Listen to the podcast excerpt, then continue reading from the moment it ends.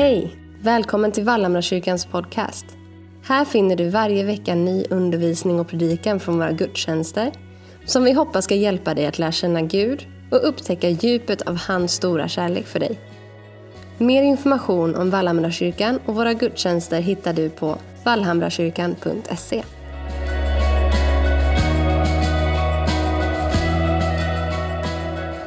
läser Guds ord. Och jag tänkte att jag skulle läsa det nu också. Det är från Johannesevangeliet kapitel 15.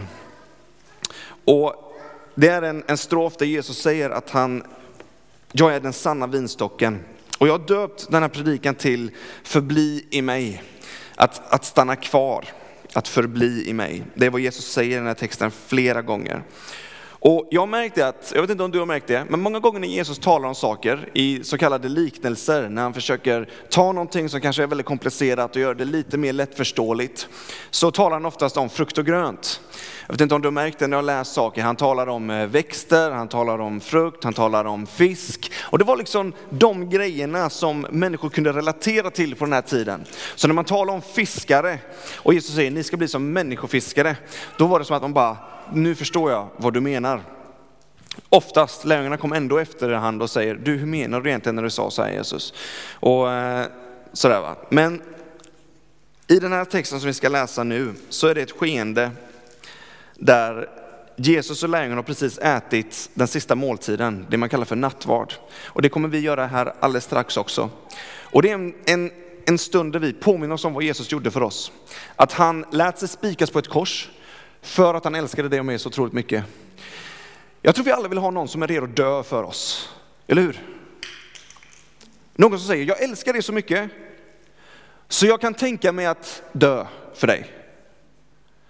Och jag tror det är få personer historiskt sett som, som har vågat och haft modet nog att göra, mod att göra det. Bibeln säger kanske att man vill dö för någon man, alltså som man älskar, som man är familj med. Jag skulle kunna tänka mig att dö för min son, min fru till exempel. Men att dö för någon som är din fiende, det vet jag inte om jag är beredd att göra. Någon som jag tycker illa om, det vet jag inte om jag är redo att dö. Men Bibeln säger Jesus dog för oss när vi minst förtjänade när vi inte kände honom. Det var då han dog för oss. När det fanns fiendeskap, när jag inte trodde på Gud, det var då han dog för mig. Det var då han steg in. Och det är vad vi ska påminna oss om i nattvarden. Och Jesus och lärjungarna har precis suttit, Jesus vet att ikväll kommer jag bli arresterad. Och jag kommer bli torterad och så kommer jag bli korsfäst. Så de har precis haft nattvard och så säger Jesus i passagen innan,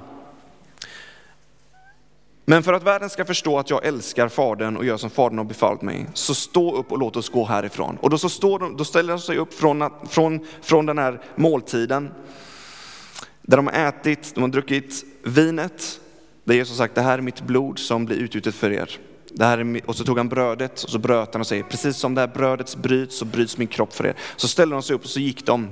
Troligtvis, när den här texten som vi ska läsa nu, när, när det sker, så är de i Getsemane, en trädgård som är vid Olivbergets eh, sluttning utanför staden, utanför tempelmuren i Jerusalem, i dagens Israel. Tänk dig att du vet att du snart ska dö. Då väljer man nog sina ord ganska varsamt. Och man tänker att om det är någonting som jag bara ska säga nu så behöver det vara rätt så bra. Det är vad vi kommer få höra nu. Det är när Jesus på väg genom det här vinodlingsfältet till trädgården Getsemane så tar han tag i en vinranka och så säger han så här. Jag är den sanna vinstocken och min fader är vingårdsmannen. Varje gren i mig som inte bär frukt, den skär han bort och varje gren som bär frukt rensar han för att den ska bära mer frukt. Ni är redan nu rena i kraft av det ord som jag talar till er. Förbli i mig. Förbli i mig så förblir jag i er. Liksom grenen inte kan bära frukt av sig själv, utan endast om den förblir i vinstocken, så kan inte heller ni det, om ni inte förblir i mig. Jag är vinstocken, ni alla är grenarna. Om någon förblir i mig och jag i honom, så bär han rik frukt. För utan mig kan ni inte göra någonting. Om någon inte förblir i mig, så kastas han ut som en gren och torkar bort och man samlar ihop sådana grenar och kastar dem i elden och de bränns upp. Om ni förblir i mig och mina ord förblir i er, så be om precis vad ni vill och ni ska få det. Min fader förhärligas när ni bär rik frukt och blir mina lärjungar. Precis som min pappa har älskat mig, säger Jesus, så har jag älskat er. Bli kvar i min kärlek. Om ni håller mina bud och förblir i min kärlek, liksom jag har hållit min faders bud och förblir i hans kärlek. Detta har jag talat till er för att min glädje ska vara i er och för att er glädje ska bli fullkomlig. Och så säger Jesus så här, detta är mitt bud. Det här är vad jag vill säga till er, att ni ska älska varandra. Om det är någonting som Jesus vill säga innan han dör så är det älska varandra, så som jag har älskat er. Ingen har större kärlek än att han ger sitt liv för sina vänner. Ni är mina vänner om ni gör vad jag befaller er. Och jag kallar er inte längre tjänare, eftersom tjänaren inte vet vad hans herre gör. Vänner kallar jag er, för han vet all, för allt vad jag har hört om min fader har jag låtit er veta. Och så avslutar Jesus med att säga så här. Ni har inte utvalt mig, utan jag har utvalt er och bestämt om er att ni ska gå ut och bära frukt. Sådan frukt som består för att Fadern må ge er vad ni än ber honom om i mitt namn. Och det befaller jag att ni ska älska varandra. Ska vi bara be att, att Gud verkligen uppenbarar vad han vill säga i den här texten. För jag tror verkligen det är någonting som, som, jag, som, som Gud vill ska landa i våra hjärtan. Herre, vi tackar dig för ditt ord. Och vi tackar dig för att vi får läsa ditt ord. Jag ber att det här just nu blir praktiskt tillämpbart i våra liv. Jag tackar dig för att det här inte bara är en bok med tomma ord, utan varje ord har kraft att faktiskt förvandla mitt liv. Det, har, det är ju någonting som händer på min insida. Så jag ber att det här ordet bara ska få, att du talar till var och en här inne Gud på det sätt som de behöver höra. Så tack Herre för att vi får läsa ditt ord. Jag ber att det bara ska förvandlas i oss och genom oss. I Jesu namn. Amen. Miriam, jag visste inte, min fru här eh, som hälsade välkommen i början, Eh, berättade lite namn på Gud och jag visste inte att hon skulle göra det. För jag, jag tänkte faktiskt göra detsamma här. Inte lika många som henne, men Jesus har flera stycken jag är statements. När, när, han, när Gud ska förklara för oss vem han är, så säger han så här. Jag är livets bröd. Liknelsen om bröd, att bröd som man äter, näring, jag är livets bröd. Jag är världens ljus. Jag är porten till fåren. Den hade varit god om jag hade sagt det idag. Om man skulle förklara sig, ja, men jag, är, jag är porten till fåren. Jag tror inte de flesta hade förstått vad man menar. Men porten till fåren, det är liksom det som på något sätt öppnar upp för alla fåren att komma in i en trygg plats. Jag är porten, jag är den gode heden. Jag är uppståndelsen och livet, jag är den sanna vinstocken som man säger här. För inte så länge sedan så, eh, så var jag och dök. Eh, jag gillar att dyka och jag samåkte med en kille eh, som, jag, som vi skulle dyka tillsammans med. Och så började vi samtala om livet, vi började samtala om eh, familj och vänner. Och, eh, och så började jag, så drog jag, jag kommer inte ihåg vad jag sa, men jag berättade en liknelse så att han skulle förstå lite hur min familj funkar. Jag önskar verkligen jag kom ihåg vad jag sa då, för jag tror den skulle vara rätt så rolig att berätta idag. Men eh, jag kommer inte ihåg vad jag sa, men då så sa han till mig, vet du Daniel, jag älskar liknelser. Det här, är, det här är en person som inte är troende utan bara så här, jag älskar liknelser sa han. Det får mig att på något sätt greppa och förstå vad, vad, vad du menar. Och han kunde relatera till det jag sa. Och jag tycker det är så galet enkelt det här med att man faktiskt kan berätta för någon vad man tror på. Att det som du har, det som, alltså när man ska berätta om Gud, någon som man många gånger tänker är distanserad och långt borta. När Jesus nu säger att jag är vinstocken, Gud är som vinstocken som alla grenar får sin näring från, så är det någonting som börjar hända igen. Och Jesus säger, förbli i mig. Förbli i mig. För att förbli, när jag slog upp det ordet så betyder det, ett, en, en, det betyder att stå fast. Att bestå, att utstå, att förbli levande. Att stå fast på någonting. Jag tror, för mig så är det så otroligt skönt när man har på något sätt um, fast mark under fötterna. Och ibland så är det saker som liksom händer i ens liv som gör att det börjar skaka på olika sätt. Och man känner att nu, marken jag står på, den håller på att gå sönder, den håller på att vittra sönder under mig. Jag är en sån person i, i naturen att jag gillar att ha kontroll på saker till exempel. Så när, det, när saker händer som jag inte har kontroll över i mitt eget liv, då kan jag bli riktigt skraj. Och då är det så skönt att ha någonting som på något sätt som man har en tillit i, som man litar på mer än vad man litar på sig själv. Jesus säger att i, precis i, i, första delen, i femte Mosebok, i första delen av Bibeln så säger, så säger Gud till, till Israel, han säger, ni ska lägga dessa mina ord, när han talar om att Jesus är livets bröd, världens ljus, porten till fåren, vem Gud är, hans ord, ni ska lägga dessa mina ord på ert hjärta och ert sinne och binda dem som ett tecken på er hand och det ska vara som en påminnelse på er panna. Ni ska lära era barn dem genom att tala om dem när de sitter i ditt hus och när de går på vägen, när de lägger sig och när du stiger upp. Alltså det är någonting av bibelberättelsen eller vittnesbördet eh, som bara behöver komma vidare, att liksom berätta om vad Gud gör i våra liv. Jag hörde om en berättelse, det var en kille som, eh, eh, för de gick ju hela tiden på Jesu tid. Överallt de de skulle transportera sig så fanns det liksom, man gick överallt.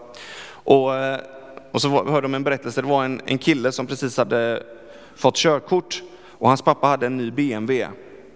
Och så sa, så sa killen, kan inte jag få eh, köra BMWn? Och då så sa han, på, på några villkor, eh, att du får upp dina betyg, så att du får, du får bättre betyg Eh, och just det, han hade inte skaffat körkort. Han sa, skaffa körkort och sen så behöver du klippa dig. Det var de premisserna som han skulle få låna bilen. Och då så gjorde han det. Så han, gick, han, han fixade upp betygen och så hade han skaffat körkort. Och så gick han till pappa och sa, nu har jag fixat körkort och jag har fixat upp mina betyg. Nu kan jag få köra. Han sa, ja men du har inte klippt dig för han var långhårig. Du behöver klippa dig. Och så sa han, men Jesus var långhårig. Det var en, en kristen familj. Jesus var ju långhårig. Och de, alla var ju långhåriga på den tiden. Så här. För han refererade, pappan refererar mycket till Bibeln.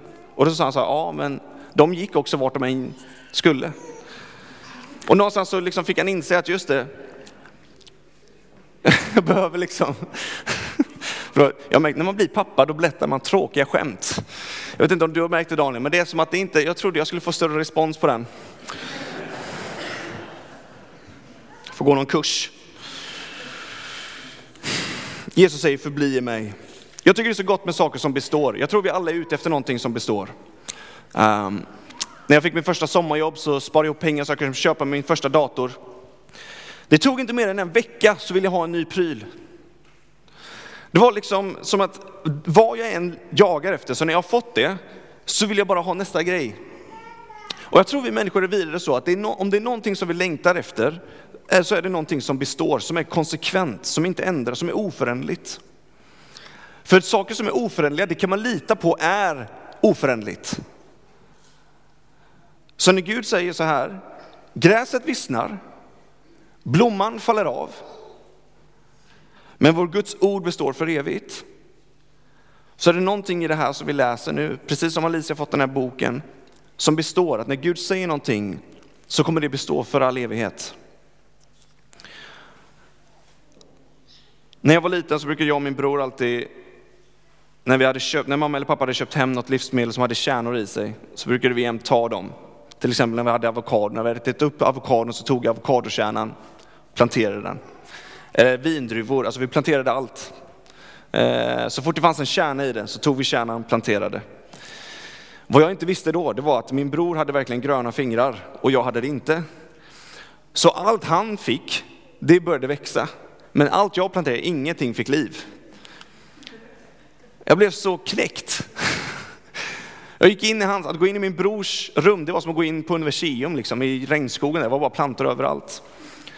Och allt han liksom rörde vid fick liv. Vad jag dock märkte, det var att när jag hade planterat någonting, varje morgon så gick jag upp och kollade på detta om det hade grott någonting. Jag vet inte hur gammal jag var, jag kanske var fem, sex, sju. Varje morgon, samma rutin, gå upp och kolla om det har vuxit. Se om någonting har kommit upp. Och så till slut så tror jag jag hade någonting som jag planterat, jag kommer inte ihåg vad, men så hade det kommit upp en liten, liten eh, grodd av något slag. Jag blev jätteexalterad, men så dog den veckan därpå, och då var det tråkigt igen. Men det är väl liksom, det här att bara, när man planterar någonting, så vill man ju att det ska ha, växt, att det ska ha växtverk och bara växa. Det är någonting i oss som bara, när vi planterar någonting så vill vi att det ska få växa och att det ska bära frukt. Och jag tror det är detsamma med Gud. När han planterar någonting så vet han att allt han planterar, det kommer bestå i evighet. Och om det kommer bestå i evighet, då vill han också vara med och se varje morgon när någonting växer. Och jag tror bara den här berättelsen som vi läser nu visar lite för dig och mig vilken typ av relation som Jesus verkligen vill ha med dig och mig. Och vilken typ av relation som vi kan ha med honom. Jesus är precis på väg att ge sitt liv för mänskligheten, alla människor, inte bara de som tror. Johannes 3.16, den mest välciterade bibelversen, säger Jag kom inte för att döma världen. Så Jesus är inte ute efter att döma någon, utan för att världen skulle få liv genom mig. För alla människor. Ty så älskade Gud världen, världen och alla människor. Så Jesus gav sitt liv för den som tror, Jesus gav sitt liv för den som går i graven och fortfarande inte tror. Han dog för alla människor. Och i det, så när han ser någonting i oss, så tror jag att han verkligen vill se det växa och fortsätta att bära frukt och få liv. Som en planterare. Och det här var samma sak som, nu är det lite background story här, men i Jesaja kapitel 53, vers 2 så står det, som en späd planta sköt han upp. Och det talar om Jesus som en planta. Eh, Eh, för, det är lite kuriosa, men vapenskölden för Israel är en vinranka till exempel. Och Guds folk gjorde saker som inte var, de gick emot det som Gud sa. Och så blev det liksom, det blev krig och det blev liksom inte så som Gud hade tänkt. Och så planterade Gud ett eget frö. Jesus, som kom in i världen, han, han blev en utav oss. Han var 100% Gud, han var 100% människa. Han liksom kom in i mänskligheten, in i vår värld. Kände samma typ av smärta, samma typ av separationsångest när han sitter på korset. Han kunde känna smärta. Så det var inte som att nu är det Gud som dör här, vilket det också var. 100% Gud, men han var också mänsklig. Vilket jag tycker är underbart, för när det kommer till Fader, Son och Ande och den här treenighets, treenigheten som är väldigt svår att förstå sig på, så har jag märkt att jag har lättast att relatera till Jesus. Och jag tror det beror på att han är mänsklig. Han har känt samma smärta som du kan ha känt.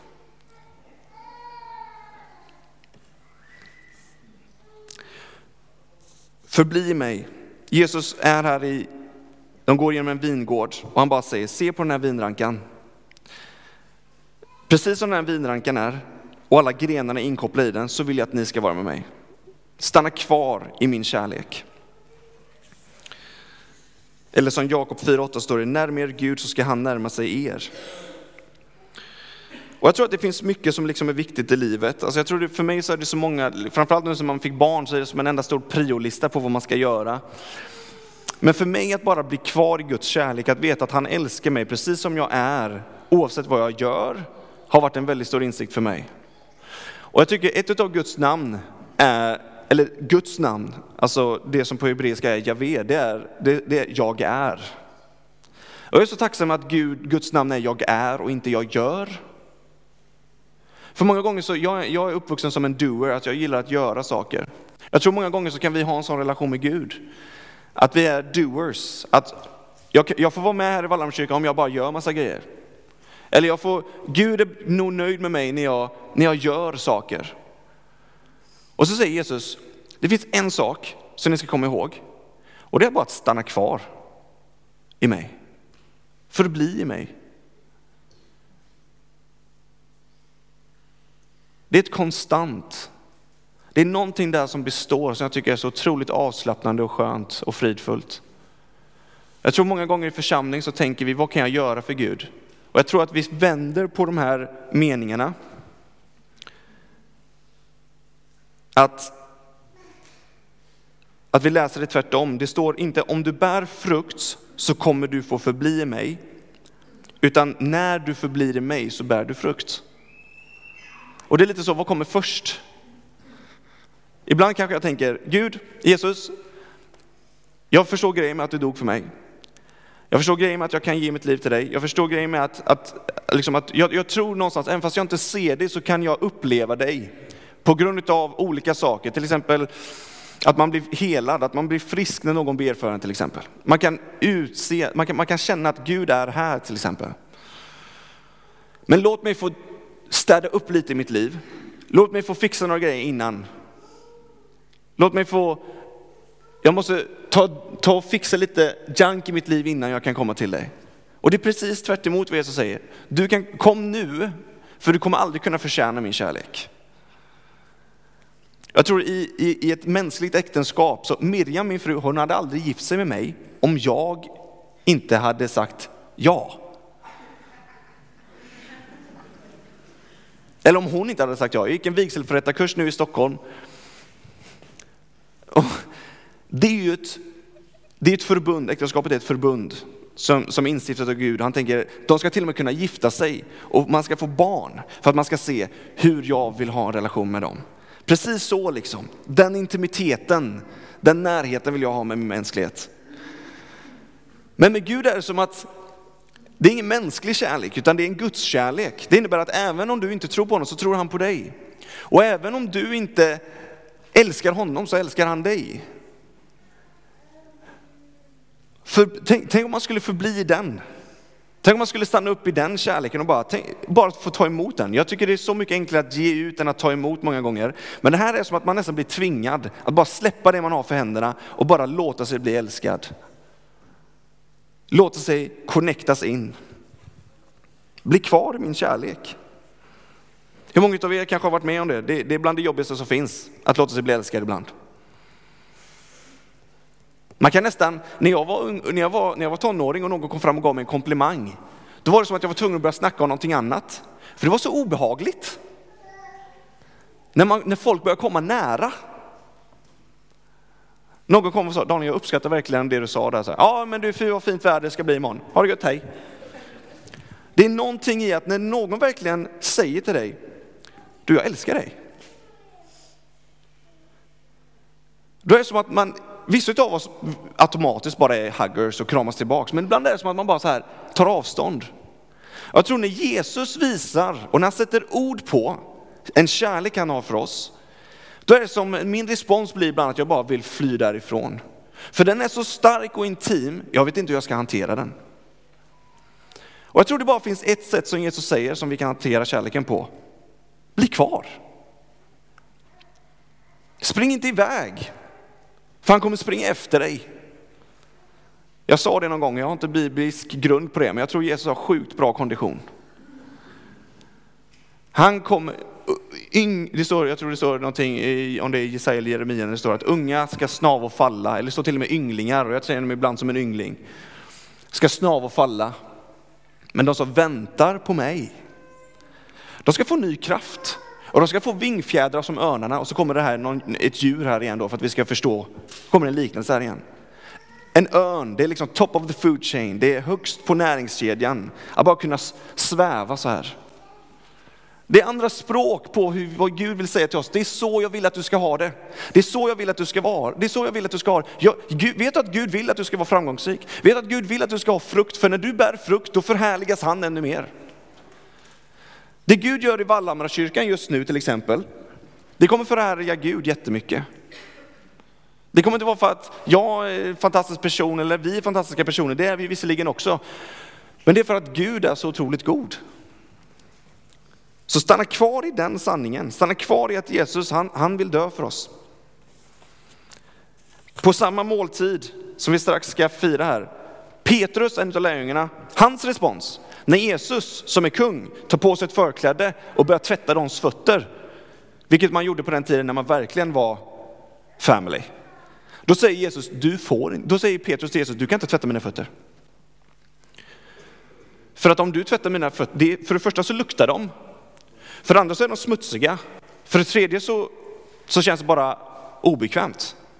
Och då säger Jesus, om jag inte får tvätta dina fötter Petrus, då kan inte du ha del i mig då kommer vi inte kunna fortsätta. Så det är som att vi tvingas, om vi vill vara med Jesus så tvingas vi bli älskade. Och om jag, som, jag, som, som jag som har svårt att bli älskad eller verkligen så här faktiskt vågar stanna kvar och förbli den kärleken, då blir det ibland väldigt jobbigt och nästan obekvämt. Men då säger Petrus, tvätta då hela mig. Och så blir han, liksom, tar han det till andra diket istället och det behövde han ju inte göra. Men... Och jag tänker vi ska jag ska gå in för landning här. Ehm, jag tänkte bjuda upp lovsångsteamet också, så ska vi bara sjunga en, en sång innan vi går in i nattvarden. Men jag, tror, jag skulle bara vilja avsluta med den här grejen också. Och jag vet inte om du någonsin har, Jesus säger så här, varje gren i mig som inte bär frukt, den skär han bort och varje gren som bär frukt rensar han, eller ansar, för att den ska bära mer frukt. Jag vet inte om du någonsin har sett en bild på en ansad vinranka någon gång. Jag har en bild här. Alltså när man säger att någonting blir ansatt, alltså man, vi kan ta nästa bild, när man klipper av, så har jag tänkt att man liksom fintrimmar. Man klipper lite längst upp i toppen, fixa till det lite granna. Men när det kommer till en vinranka, då klipps det ner, vi kan ta nästa bild, så att det bara är en stump kvar. Alltså, det är ju bara naket. Jag vet inte om, om, om ni var medvetna om hur en vin, ansad och rensad vinranka ser ut, men så här ser det ut. När någonting blir avklippt. Det är ju ingenting kvar. Och Gud säger, så här, så jobbar jag.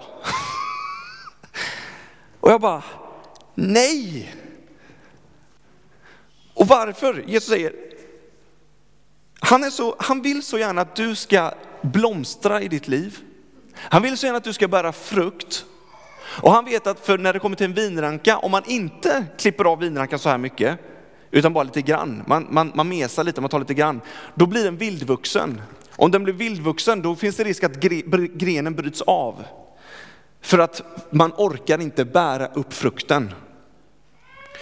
Men om man tillåter ansarna att klippa av, precis som man har gjort här, då bär man så mycket frukt, oproportionerligt stor frukt. Och vi, vi kan ta nästa bild här. Här har vi en bild på hur det ser ut när, på våren sen och sensommaren när det verkligen har blomstrat till. Och sista bilden, det är en bild på liksom klasar som är så stora som annars inte hade kunnat hållas uppe. De hade fallit till marken om de inte hade ansett. Och jag, tror, jag upplevde bara att Gud sa till mig att nämna detta, för jag tror att du kanske är här, så känner dig bra ansad för tillfället. Det känns som att någon har tagit en, inte bara en sån här liten sax, utan de har dragit igång liksom en bensindriven häcksax och bara sågat av dig. Och ibland är det som att man undrar, Gud om det här sker i mitt liv just nu, på min arbetsplats, i min familj, eller vad det nu kan vara, där du känner att någonting har klippts av. Jag brukade bära frukt och när allting kändes toppen så hände detta. Då tror jag bara Gud vill säga, jag ansar för att du nästa säsong ska bära ännu mer frukt. Det här kanske inte är applicerbart i varje situation, jag är medveten om det. Så jag hoppas att man har lite urskiljning där själv. Men jag tror bara det här är så viktigt i att inse att Gud, han vill så gärna att du ska leva ett fruktbart liv. Så han är beredd att klippa av och trimma, för annars så skulle det bara brytas av. Du kanske går igenom en situation just nu som känns otroligt motig. Som kanske bara är för att du på något sätt, för nästa grej på din arbetsplats, så kommer du att klara av det. Jag hade en, ett par riktigt tuffa tillfällen i Citykyrkan i Stockholm som jag var assisterande pastor innan. Hade jag inte gått igenom dem hade jag aldrig vågat ställa mig här idag. Aldrig i livet alltså. Men i och med att Gud tog igenom mig de, de tillfällena så är jag stensäker på att jag och min familj ska vara här. Och jag älskar det. Och jag stortrivs. Men jag hade aldrig vågat det om inte Gud hade ansatt lite innan. Jag vet inte, jag hoppas att heligande bara så här pinpointar kanske saker i ditt liv nu som kanske känns som att jag känner mig avklippt. Men du kommer bära mer frukt igen. Och snart är det vår. Och det är som att Gud är liksom säsongernas Gud. Tack för att du har lyssnat på veckans predikan från Vallhamrakyrkan. Skulle du vilja veta mer om vem Gud är så tveka inte att höra av dig till oss på info vallhamrakyrkan.se. Kom ihåg att du alltid är välkommen att besöka vår gudstjänst varje söndag klockan 11 på Oxledsvägen 4 i Sävedalen, Göteborg. Jag hoppas vi ses!